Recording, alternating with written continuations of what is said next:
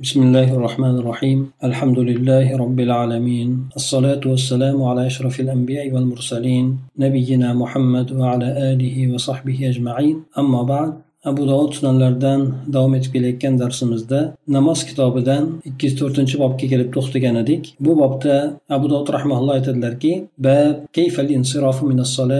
namozdan qanday qilib burilib ketishlik to'g'risida ya'ni salom bergandan keyin qaysi tomonga qarab burilib ketadi o'ng tomongami yoki chap tomongami shularni e, bayon qiluvchi bo'lgan hadislarni dalillarni keltirib o'tgan ekan. O'tgan safargi darsimizda bir ming qirqinchi bo'lgan hadisda payg'ambar sallallohu alayhi vasallam ayollarni erkaklardan oldin chiqib ketishligi uchun salom bergandan keyin biroz muddat o'tirib turishligi keyin lekin qolganlar ayollar chiqib ketib bo'lgandan keyin o'rnlaridan turishligini aytib o'tilgan edi. O'shanda payg'ambar sallallohu alayhi vasallam salom bergandan keyin to salovatni ya'ni istig'for aytib undan keyin imom e, qavm tomoniga qaragan paytida demak o'sha muddat ichida ayollar safni orqasida turgan ayollar tashqariga chiqib ulguradigan darajada bo'lgan.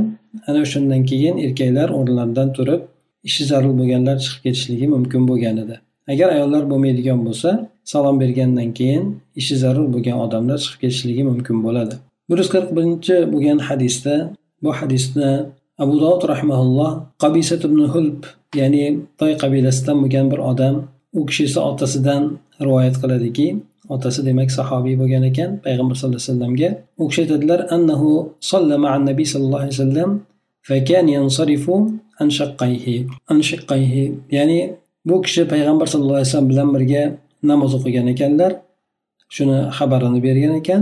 Payg'ambar sallallohu alayhi vasallam esa ikkala tomondan namozdan chiqib ketayotganlar. Ya'ni o'ng tomondan ham chap tomondan ham ketayotganlar. Ya'ni bu degani salom bergandan keyin inson o'ng tomoniga chap tomoniga salom beradi. Undan keyin qaysi bir tomoniga qarab yurib ketishligi. Ya'ni salom bergandan keyin inson namozdan chiqib ketishligi. Ho oldingi tarafga qarab yursin.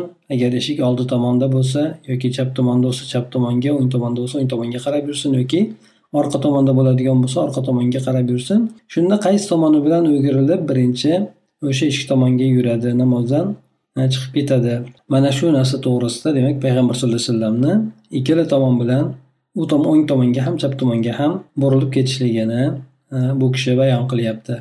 Undan keyingi bo'lgan hadis bir ming qirq ikkinchi bo'lgan hadisda bu hadisni abdulloh masud roziyallohu anhudan rivoyat qilinadi u kishi aytadilarki la yaj'al ahadukum nasiban lish-shaytoni min salati alla yansrifa illa an yamini وقد رأيت رسول الله صلى الله عليه وسلم أكثر ما ينصرف عن شماله قال عمارة أتيت المدينة بعد فرأيت منازل النبي صلى الله عليه وسلم عن يساره بنا إمام بخاري هم رواية قيgan ekan faqatgina umarani ataytu degan gapini keltirib o'tmagan ekan bu o'rinda abdulloh masud roziyallohu anhu aytadilarki o'zlari sizlarni birontalaringiz namozidan shayton uchun nasibani qilmasin. Ya'ni faqatgina o'ng tomonni o'zidangina burilib ketishligi bilan faqat o'ng tomonni o'zi bilangina burilib ketishligi bilan shayton uchun nasibani qilmasin. Darhaqiqat men rasululloh sollallohu alayhi vasallamni ko'pincha chap tomoniga qarab burilib ketayotganligini burilganligini ko'rganman deb bu kishi aytgan ekan. Ya'ni payg'ambar sallallohu alayhi vasallamdan o'ng tomonga qarab burilganligi ham chap tomonga qarab burilib ketganligi ham ikkalasi ham rivoyat qilinadi. Boshqa hadislarda demak ko'plab payg'ambar sallallohu alayhi vasallamni bu abdulloh masud roziyallohu anhu chap tomondan ko'proq burilib ketganligi aytiladigan bo'lsa boshqa ba'zi bir rivoyatlarda o'ng tomondan ham ko'proq burilib ketganligini aytiladi. O'shandan inson o'shani ko'rib ya'ni payg'ambar alayhissalomni davrlarida u kishini faqat o'ng tomondan burilib ketganligini ko'rib yoki chap tomondan burilib ketganligini ko'rib aynan mana shu narsanigina ushlab olib faqat shuni o'zigina bo'ladi deb shaytonga o'zidan nasiba qo'ymasin balki faqatgina mana shuni o'zi vojib bo'ladi mana shuni o'zi lozim bo'ladi deb shayton uchun nasibani qo'ymasin balki payg'ambar sallallohu alayhi vasallam nafaqat o'ng tomondan balki chap tomondan ham ko'proq e, turib chiqardilar deb abdulloh masud roziyallohu anhu aytdilar. Bu narsani aytishligidan sabab ba'zi odamlar o'sha paytlarida namozdan chiqib ketishligida faqat shu payg'ambar alayhissalomni ba'zi holatda ko'rgan o'ng tomondan chiqqanligini ko'rgan bo'lsa o'ng tomonni ushlab olib faqat o'shandan chiqish kerak degan e, o'yda gumonda bo'lib qolganligidan bu kishi allohu alam bunday e'tirozni bildirib aytgan. Aslida mana payg'ambar sallallohu alayhi vasallam chap tomondan ko'p chiqqanligini roviylardan birisi umora aytadiki men madinaga keyinchalik kelgan edim. Payg'ambar sallallohu alayhi vasallamni uylarini o'sha namozda turgan o'rnidan chap tomonda ko'rdim. Ya'ni payg'ambar alayhissalom salom beradigan namoz o'qib salom beradigan bo'lsa o'shanda u kishi namoz o'qigan joydan chap tomonda bo'lgandi hujralari. Ana o'shandan payg'ambar sallallohu alayhi vasallam allohu alam chap tomondan ko'p chiqar ekanlar deb bu kishi buni illatini ya'ni chap tomondan chiqishlik sababini shunday deb tushungan ekan. Ya'ni inson namoz o'qigandan keyin namozdan burilishligi borasida o'ng tomonga buriladimi yoki chap tomonga buriladi masalan imom xosatan salom bergandan keyin qavmga qaraydi. Istig'forlarni aytib bo'lgandan keyin qavmga qarab buriladi. Ana o'sha burilganda o'ng tomoni bilan buriladimi yoki chap tomoni bilan buriladimi? Payg'ambar sallallohu alayhi vasallamdan ikkalasi ham kelgan ekan. O'ng tomonga burilganligi ham chap tomonga qilib burilganligi ham kelgan ekan. Lekin insonda agar hojat bo'lmaydigan bo'lsa agar ikkalasi barobar bo'ladigan bo'lsa olimlar aytishadiki o'ng tomonga burilganligi afzalroq bo'ladi. Chunki o'ng tomonni payg'ambar sallallohu alayhi vasallam o'ng tomon bilan boshlashlikni ko'p yaxshi ko'rganligi mana shu bunga dalil qilib aytishligimiz mumkin. Lekin insonni hojati bo'ladigan bo'lsa unda ho o'ng tomoni bo'lsin ho chap tomoni bo'lsin unda farqi bo'lmaydi. Payg'ambar sallallohu alayhi vasallam ham chap tomonda ular o'zlarini uylari bo'lganligi uchun chap tomondan burilib ya'ni o'sha uy tomoniga qarab chiqib ketar edi. Sahobalar hattoki payg'ambar sallallohu alayhi vasallamni o'sha namozdan qanday burilib ketishligini ham shungacha kuzatishib rivoyat qilishgan ekan. Bu narsada ham ular o'sha payg'ambar sallallohu alayhi vasallamni yo'llarini tutishlikka harakat qilganliklarini alomatidir bu. Ikki yuz beshinchi bo'lgan bobda abu dovud rahmanulloh aytadilarki babu solati rojuli fi baytihi. Ya'ni odamni tatavvu namozini ya'ni nafl namozlarini uyda o'qishligi. Shu qanchalik darajada buni ajri bor? Shu narsa to'g'risida demak hadislarni keltirib o'tadi. Bir ming qirq uchinchi bo'lgan hadis bu hadisni abdulloh ibn umar roziyallohu anhudan rivoyat qilinadi u kishi aytadilarki قال رسول الله صلى الله عليه وسلم اجعلوا في بيوتكم من صلاتكم ولا تتخذوها قبورا وحديثنا imom buxoriy va imom muslim ham rivoyat qilgan ekan rasululloh sollallohu alayhi vasallam aytadilarki sizlar uylaringizda namozlaringizdan nasiba qilinglar uylaringizni qabrlik tutib olmanglar qabrga o'xshatib qo'ymanglar qabr qilib olmanglar deb payg'ambar sallallohu alayhi vasallam qaytardilar Mana bu hadisda payg'ambar sallallohu alayhi vasallam nafl ibodatlarni uyda o'qib turishlikka buyuryaptilar. Sababini ham keltirib o'tyaptilar toki albatta inson uyda ibodat qiladigan bo'lsa ibodat nurlanadi ibodat bilan uy nurlanadi. Qabr esa bu insonlarni ibodat qiladigan joyi emas. Ana o'shandan sizlar uylaringizda namoz o'qinglarda uylaringiz demak qabrlarga namoz o'qilmaydigan qabrlarga o'xshab qolmasin balki sizlar uylaringizda namoz o'qishliklaringiz bilan uydagi bo'lgan holatlar ya'ni uylar o'sha o'qigan namozlaringiz bilan nurlanadi. Qabrlar esa albatta insonlar unda ibodat qiladigan joylar bo'lmaydi. Shuning uchun shunday joyga aylantirib olmanglar dedi. Undan keyingi bo'lgan hadisda ham zayd ibn sobit roziyallohu anhudan rivoyat qilinadi. Payg'ambar sallallohu alayhi vasallam aytdilarki solatul mar'i fi baytihi afdalu min solatihi fi masjidi hada. Illal maktuba kishini uydagi bo'lgan namozi meni mana shu masjidimdagi bo'lgan namozidan ko'ra afzalroq dedi. Illo farz namozi bundan mustasno bo'ladilar deb aytib qo'ydilar. Inson albatta nafl namozlarini demak uyda o'qishligi afzalroq bo'lar ekan. Hattoki payg'ambar sallallohu alayhi vasallamni masjidi bo'lgan taqdirida ham yoki kaba baytul harom bo'lgan taqdirida ham namozni nafl namozini uyda o'qishilishligi afzalroq bo'lar ekan. Ma'lumki payg'ambar sallallohu alayhi vasallamni namoz masjidlarida namoz o'qishlik ming barobar afzalroq bo'ladi. Ya'ni farz namozini uyda o'qishlikdan ko'ra erta o'qishlik payg'ambar alayhisalomni masjidida o'qishlik oddiy uyda o'qishlikdan ko'ra ming barobar afzalroq deb aytilgan. Shunday ekan demak hattoki payg'ambar sallallohu alayhi vasallamni masjidlarida o'qishlikdan ko'ra uyda o'qishlik afzal deb aytilar ekan inson nafl ibodatlarini sunnat namozlarini uyda o'qilish uyda o'qishligi afzalroq bo'lar ekan. Ba'zi namozlar borki albatta u masjidda o'qilishlik kerak bo'ladi. Bular tahiyat masjid bo'ladi masalan yoki bo'lmasa yana tavof qilganda o'qiladigan namoz bor.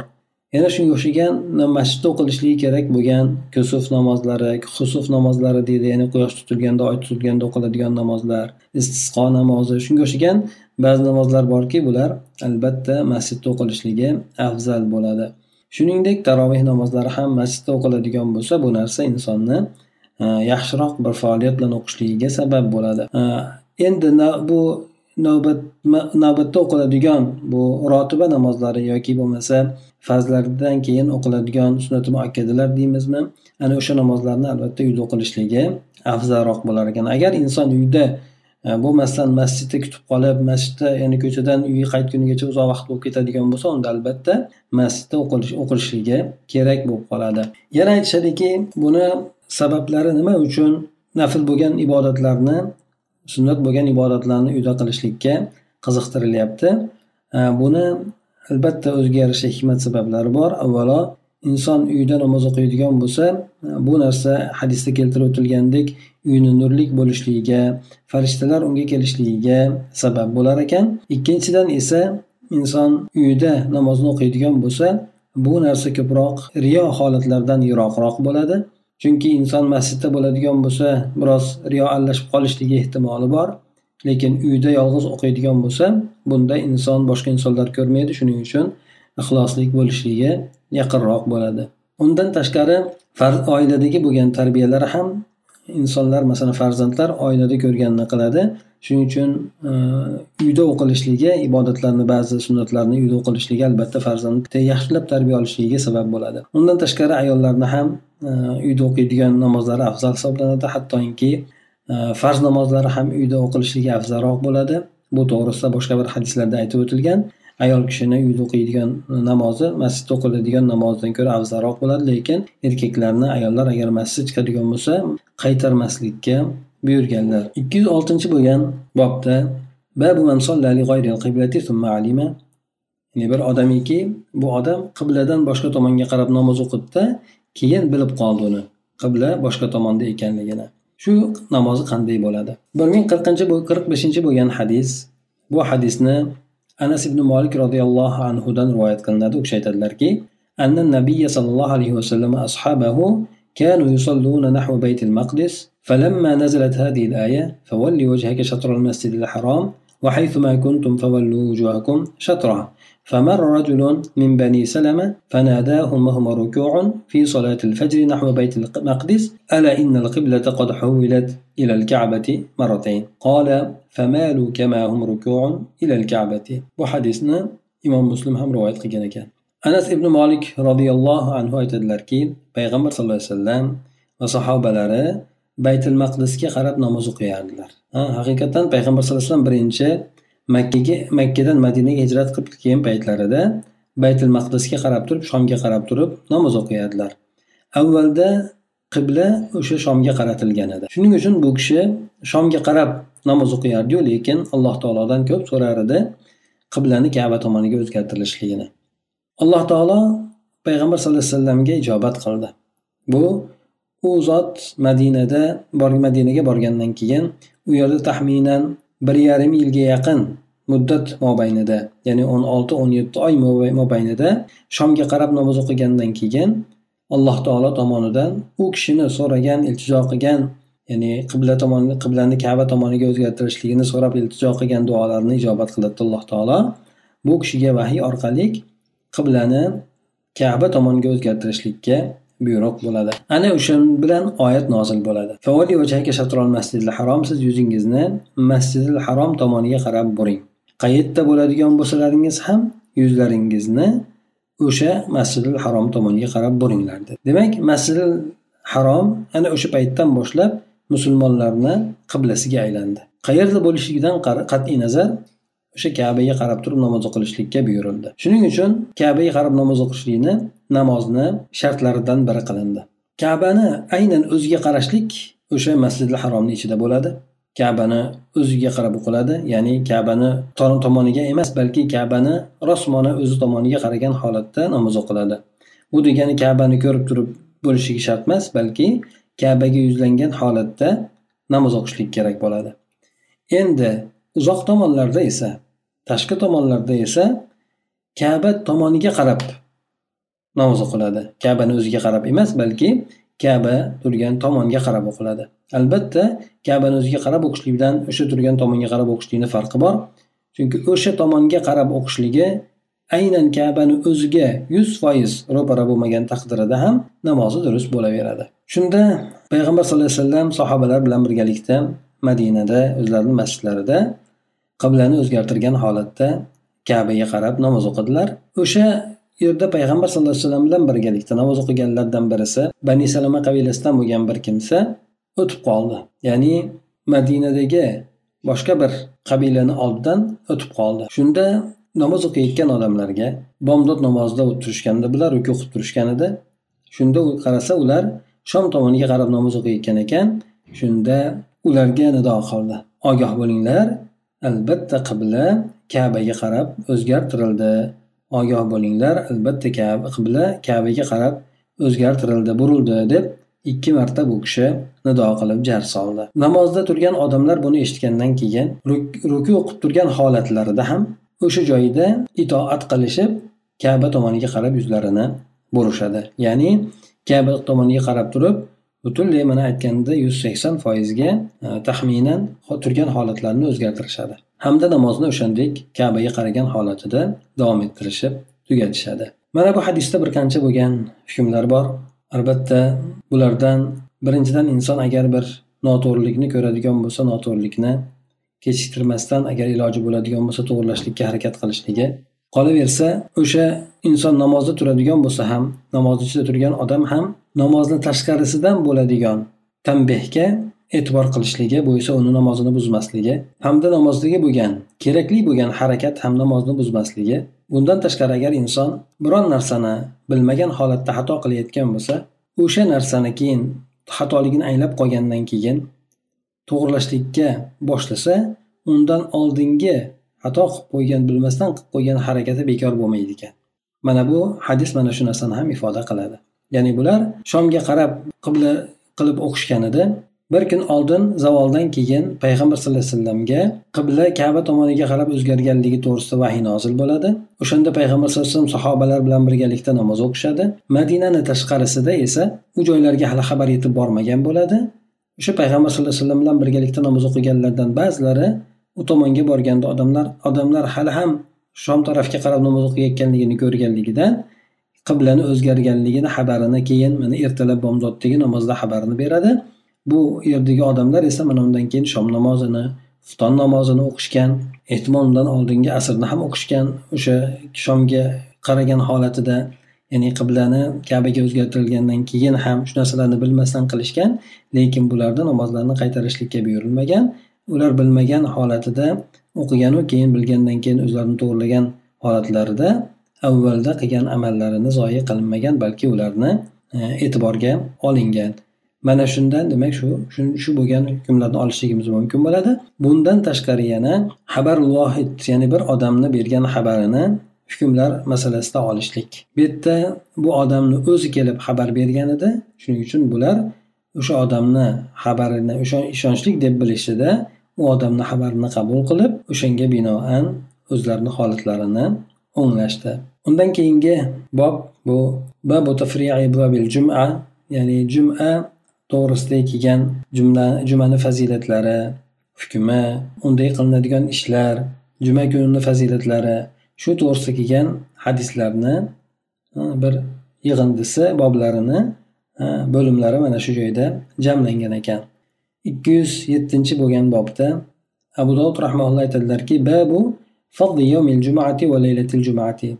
juma kunini va juma kechasini oqshomini fazilati to'g'risida kelgan hadislar ekan bir ming qirq oltinchi bo'lgan hadis bu hadisni abu hurara roziyallohu anhudan rivoyat qilinadi u kishi aytadilarki قال رسول الله صلى الله عليه وسلم خير يوم طلعت فيه الشمس يوم الجمعة فيه خلق آدم وفيه أهبط وفيه تيب عليه وفيه مات وفيه تقوم الساعة وما من دابة إلا وهي مصيخة يوم الجمعة من حين تصبح حتى تطلع الشمس شفقا من الساعة إلا الجن والإنس ففيها ساعة لا يصادفها عبد مسلم وهو يصلي يسأل الله عز وجل حاجة إلا أعطاه إياه إياها قال كعب ذلك في كل سنة يوم فقلت بل في كل جمعة abu hurra roziyallohu anhu aytadilarki rasululloh sollallohu alayhi vasallam aytdilar quyosh chiqqan eng yaxshi bo'lgan kun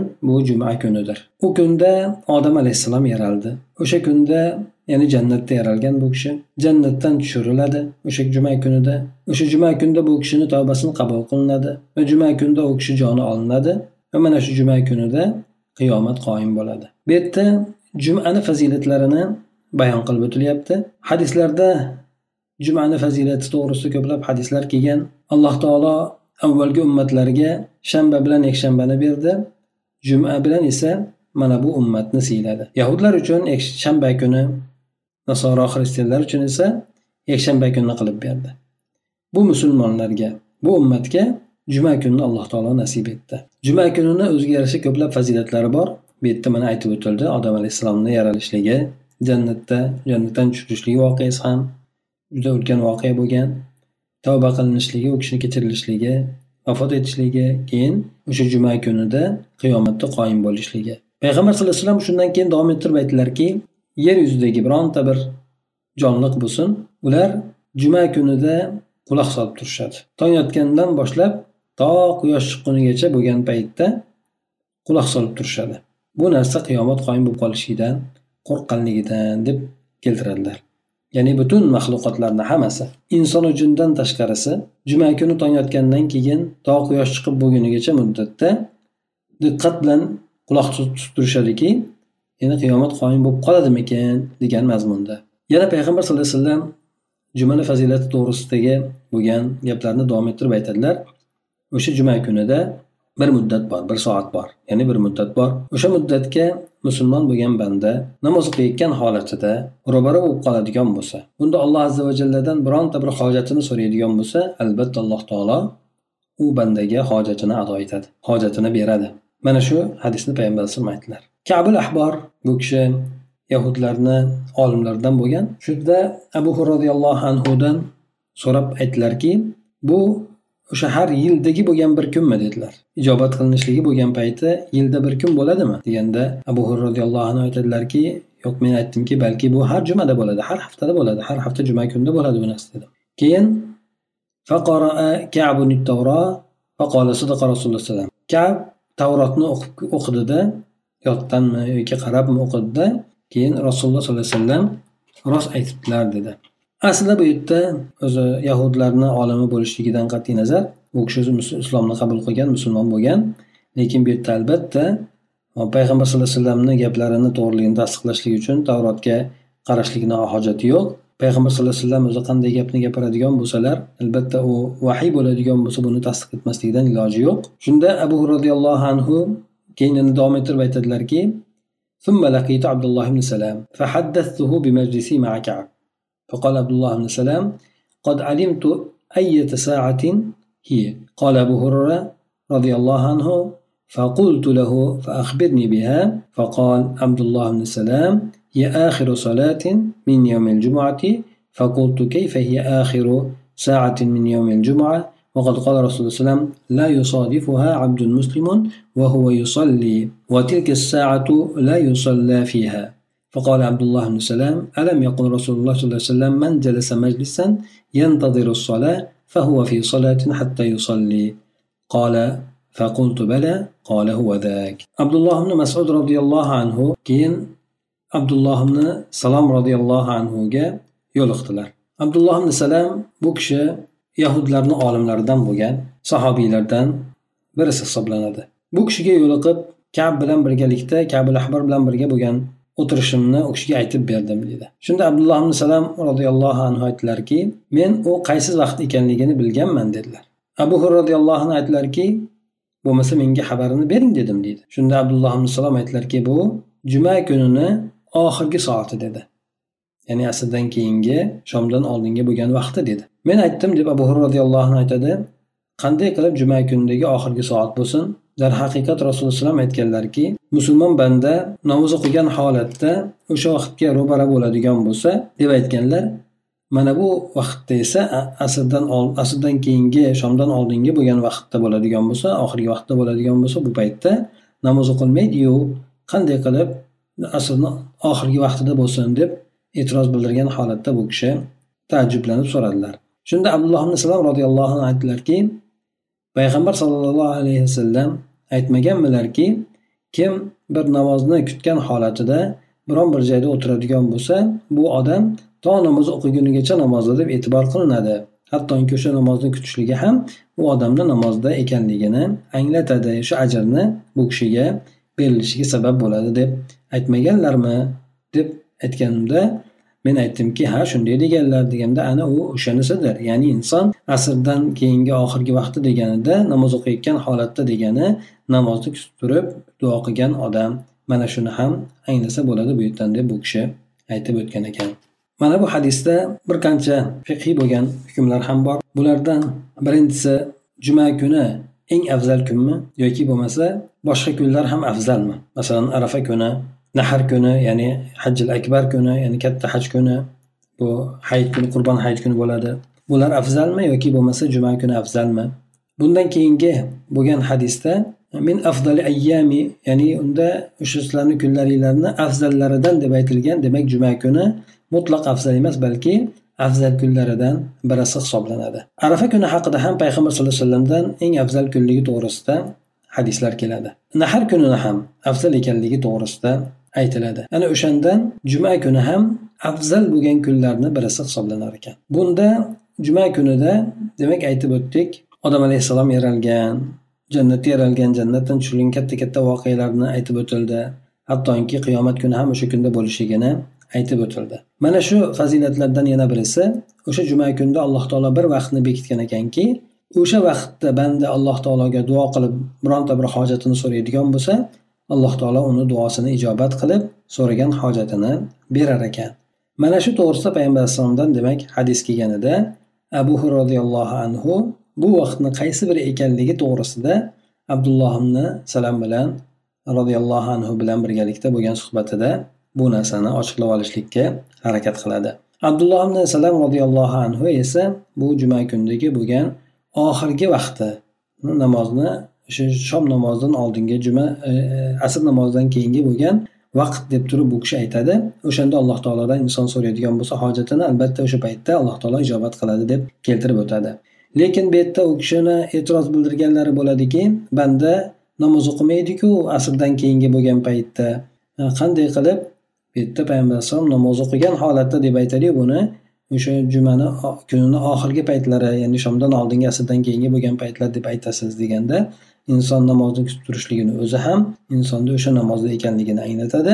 Ana o'shandek inson duo qiladigan bo'lsa alloh taolo uni duosini ijobat qiladi deb aytadi. Albatta duoni ijobat qilinishligi o'ziga yarasha shartlari bo'lishi kerak hamda muoniylardan xoli bo'lishlik kerak. Inson harom narsalarni iste'mol qilishligi bu narsa yoki gunohlarni ustida bo'lishligi ko'pincha insonni duosini ijobat bo'lmasligiga sabab bo'ladi. Bundan tashqari insonni qalbini band bo'lgan holatida duo qilishligi ham tili bilan duo qilishligi ham qalbini band bo'lgan holatida bu ham o'sha ijobatni to'sib qo'yadi. Shuning uchun ijobatni to'sadigan moniylarni bo'lmasligi hamda ijobatni ijobat bo'lishligini shartlarini insonda topilishligi bu duosini ijobat bo'lishligini kafolati bo'ladi. Ana o'shandan biz ma'lum bo'lar ekanki demak juma kuni qaysi vaqtda ekanligi to'g'risida olimlar juda ham ko'p gapni keltirib o'tishgan deyishadi. Bulardan e, mana pastdagi bo'lgan hadisimizda hali aytib o'tiladi jumada qaysi bir kuni e, ijobat qilinadi degan e, bobni ostida hadisni keltirib o'tiladi. Inshaalloh o'shanda ham aytib o'tilar.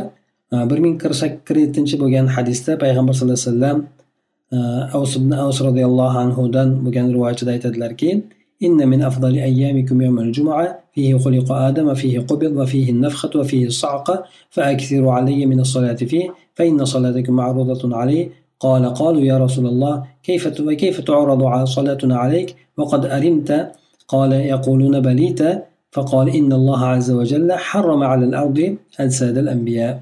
رسول الله صلى الله عليه وسلم bu hadislarda aytadilarki sizlarni kunlaringlarni eng afzallaridan juma kunidir. Ya'ni eng afzali emas balki eng afzallaridan juma kunidir. Demak juma kuni ham afzal kunlardan birisi hisoblanadi. Ana o'sha kunda odam alayhissalom yaralgan o'sha kunda vafot etgan bu kishi o'sha juma kunida nafha bo'ladi hamda o'sha kunda soaqa bo'ladi. Soaqa bu qattiq tovush ya'ni birinchi nafha hisoblanadi. Qiyomat dunyoni tugashligi oxiratni boshlanishligiga bo'lgan dunyoni tugashligiga bo'lgan bir soyha xabar bu yerdagi sayha juda qattiq qichqira bo'ladi ya'ni e, avvalo isrofil alayhissalom surni chaladigan bo'lsa yerda juda qattiq tovush bo'ladi ana o'sha qiyomatni dunyoni tugaganligini anglatadi. Undan keyingi ikkinchi nafha bo'ladigan bo'lsa nafha odamlar qabrlardan turishligi hisob kitob uchun mahshargoh maydoniga jamlanishligi uchun qilinadigan chaqiriq bu yerda nafha uriladi ya'ni surda nafha uriladi. Mana shu ikkalasi ham juma kunida bo'lar ekan. Nafha demak insonlarni qabrlaridan turib hisob kitobga jamlanishligi to'g'risida isrofil alayhissalom ikkinchi marta surchagan paytda bo'ladigan bo'lsa soqa esa insonlar juda ham o'sha o'zidan ketadigan darajada qattiq qichqira bo'lishligi hamda bu bilan dunyoni nihoyasiga yetib insonlar oxirat uchun e, vafot etib ketishligi. Mana shu narsalar E, bo'lar ekan. Mana shu ikkalasi ham juma kunida bo'lishligini aytib o'tilyapti. Ana o'shanday katta bir voqealar bo'ladigan bo'lganligi undan tashqari qancha qancha afzal bo'lgan amallarni bo'ladiganligi sababli payg'ambar sallallohu alayhi vasallam aytganlarki o'shanda sizlar menga ko'p salovat aytinglar dedilar. O'sha kunda juma kunida menga juda ko'plab salovat aytinglar. Albatta sizlarni salovat aytishlaringiz menga ko'ndalang qilinadi. Shunda ular sahobalar aytishdiki rasululloh qanday qilib sizga ko'ndalang qilinsin? Siz o'sha kunda judayam erib ketgan bo'lasizku bunday aytganda chirib e, yo'q bo'lib ketgan bo'lasizku deganda payg'ambar sallallohu alayhi vasallam aytdilarki albatta alloh azza va jalla yerga payg'ambarlarni jasadlarini harom qilgan ular yerdan hech narsani olmaydilar deb ya'ni hech narsa yer, yer ularni hech qanday jasadlarini yemaydi deb payg'ambar sallallohu alayhi vasallam aytdilar. Demak bu yerdagi bo'lgan hadisda payg'ambar sallallohu alayhi vasallamga salovatni ko'p aytishlikka bu o'rinda buyurilyapti. Juma kunida albatta payg'ambar alayhisalomga salovat aytishlikni ko'p fazilati bor ekan. Bulardan payg'ambar alayhissalom o'sha salovatga ko'ndalang qilib salovatga javob berishligi e, undan tashqari kimki payg'ambar sallallohu alayhi vasallamga bir salovat aytadigan bo'lsa alloh taolo o'n barobar unga salovat aytishligi to'g'risida hadislarda keladi. Shu jihatidan payg'ambar sallallohu alayhi vasallamga juma kunida xosatan salovatni ko'p aytilishlik ko'p aytilishligiga qiziqtiriladi. Demak bu hadislar undan keyingi hadislar ham juma kunini fazilati jumadagi bo'ladigan hukmlar shu to'g'rilarda bo'lgan hadislarni jamlab keltirib o'tgan ekan shulardan inshaalloh kelgusi darsimizda ham ba'zilarini o'qib o'tamiz سبحانك اللهم وبحمدك نشهد أن لا إله إلا أنت نستغفرك ونتوب إليك اللهم انفعنا بما علمتنا وعلمنا ما ينفعنا وزدنا علما